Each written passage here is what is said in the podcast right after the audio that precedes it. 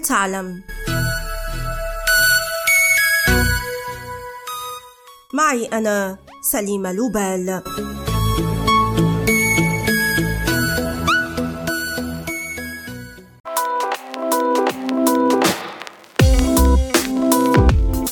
بدأت قصة هذه الوجبة قبل سبعة قرون في سهول آسيا الوسطى. حينها كان المحاربون المغول من نسل جنكيز خان يعمدون إلى وضع شرائح لحم رقيقة تحت سروجهم خلال غزواتهم التي امتدت إلى البحر الأبيض المتوسط وساحل المحيط الهادئ وسيبيريا والهند حتى يتمكنوا من تناول طعام ناعم ونيء وسهل الهضم أثناء الركض فوق أحصنتهم.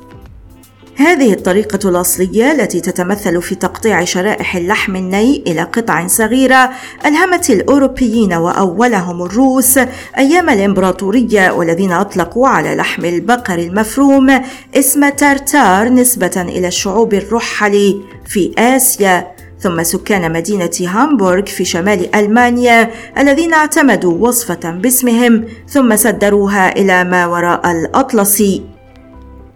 انتشرت شرائح اللحم المفروم المملحة والمدخنة أحيانا والموضوعة بين شريحتي خبز مع القليل من البصل على متن الرحلات البحرية التي كانت تربط ميناء مدينة هامبورغ بنيويورك والتي شهدت خلال القرن التاسع عشر مغادرة ملايين الأوروبيين إلى الولايات المتحدة الأمريكية سعيا إلى تحقيق الحلم الأمريكي. حرص المهاجرون الألمان لدى وصولهم إلى الولايات المتحدة الأمريكية على تسويق الهمبرجر الذي بات يذكرهم بوطنهم الأم فيما لم يتردد العالم الشديد في احتضان هذه الوجبة وتحسين ذوقها بإضافة صلصة الطماطم والجبن والمخللات.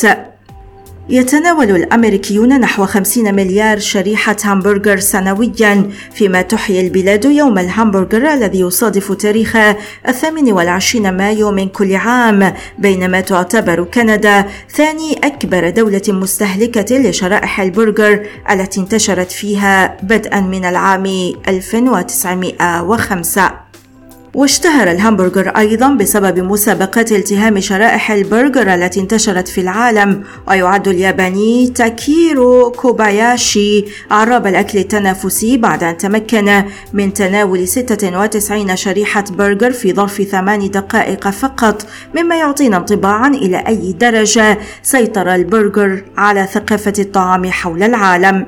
رغم كل هذا النجاح والانتشار يعتبر هذا الساندويتش الأسطوري الأكثر تعرضا للإدانة من قبل خبراء التغذية. فهو وجبة غنية بالدهون ومرتبطة بالطعام السريع لكن بعض العلامات التجارية بدأت خلال السنوات الأخيرة في استثمار هذا الساندويتش بعيدا عن الوجبات السريعة من خلال تقديم وصفات خاصة. لأذواق مختلفة إذ أصبح لدينا برجر بالجبن الأزرق وآخر بالخضروات مثل رقائق الكرنب أو الجزر الأبيض وبرجر بمنتجات فاخرة مثل الكمأة والكبد المدهن وجراد البحر أو الاستاكوزا كما تتوفر أيضا أنواع نباتية مصنوعة من التوفو وهو جبن نباتي يصنع من حليب الصويا.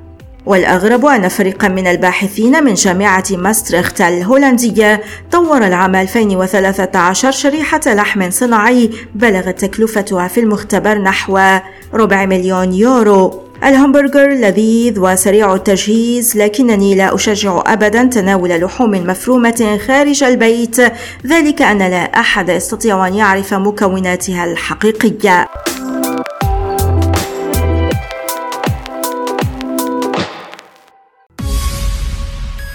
والآن إلى اللقاء مع حلقة جديدة من بودكاست هل تعلم؟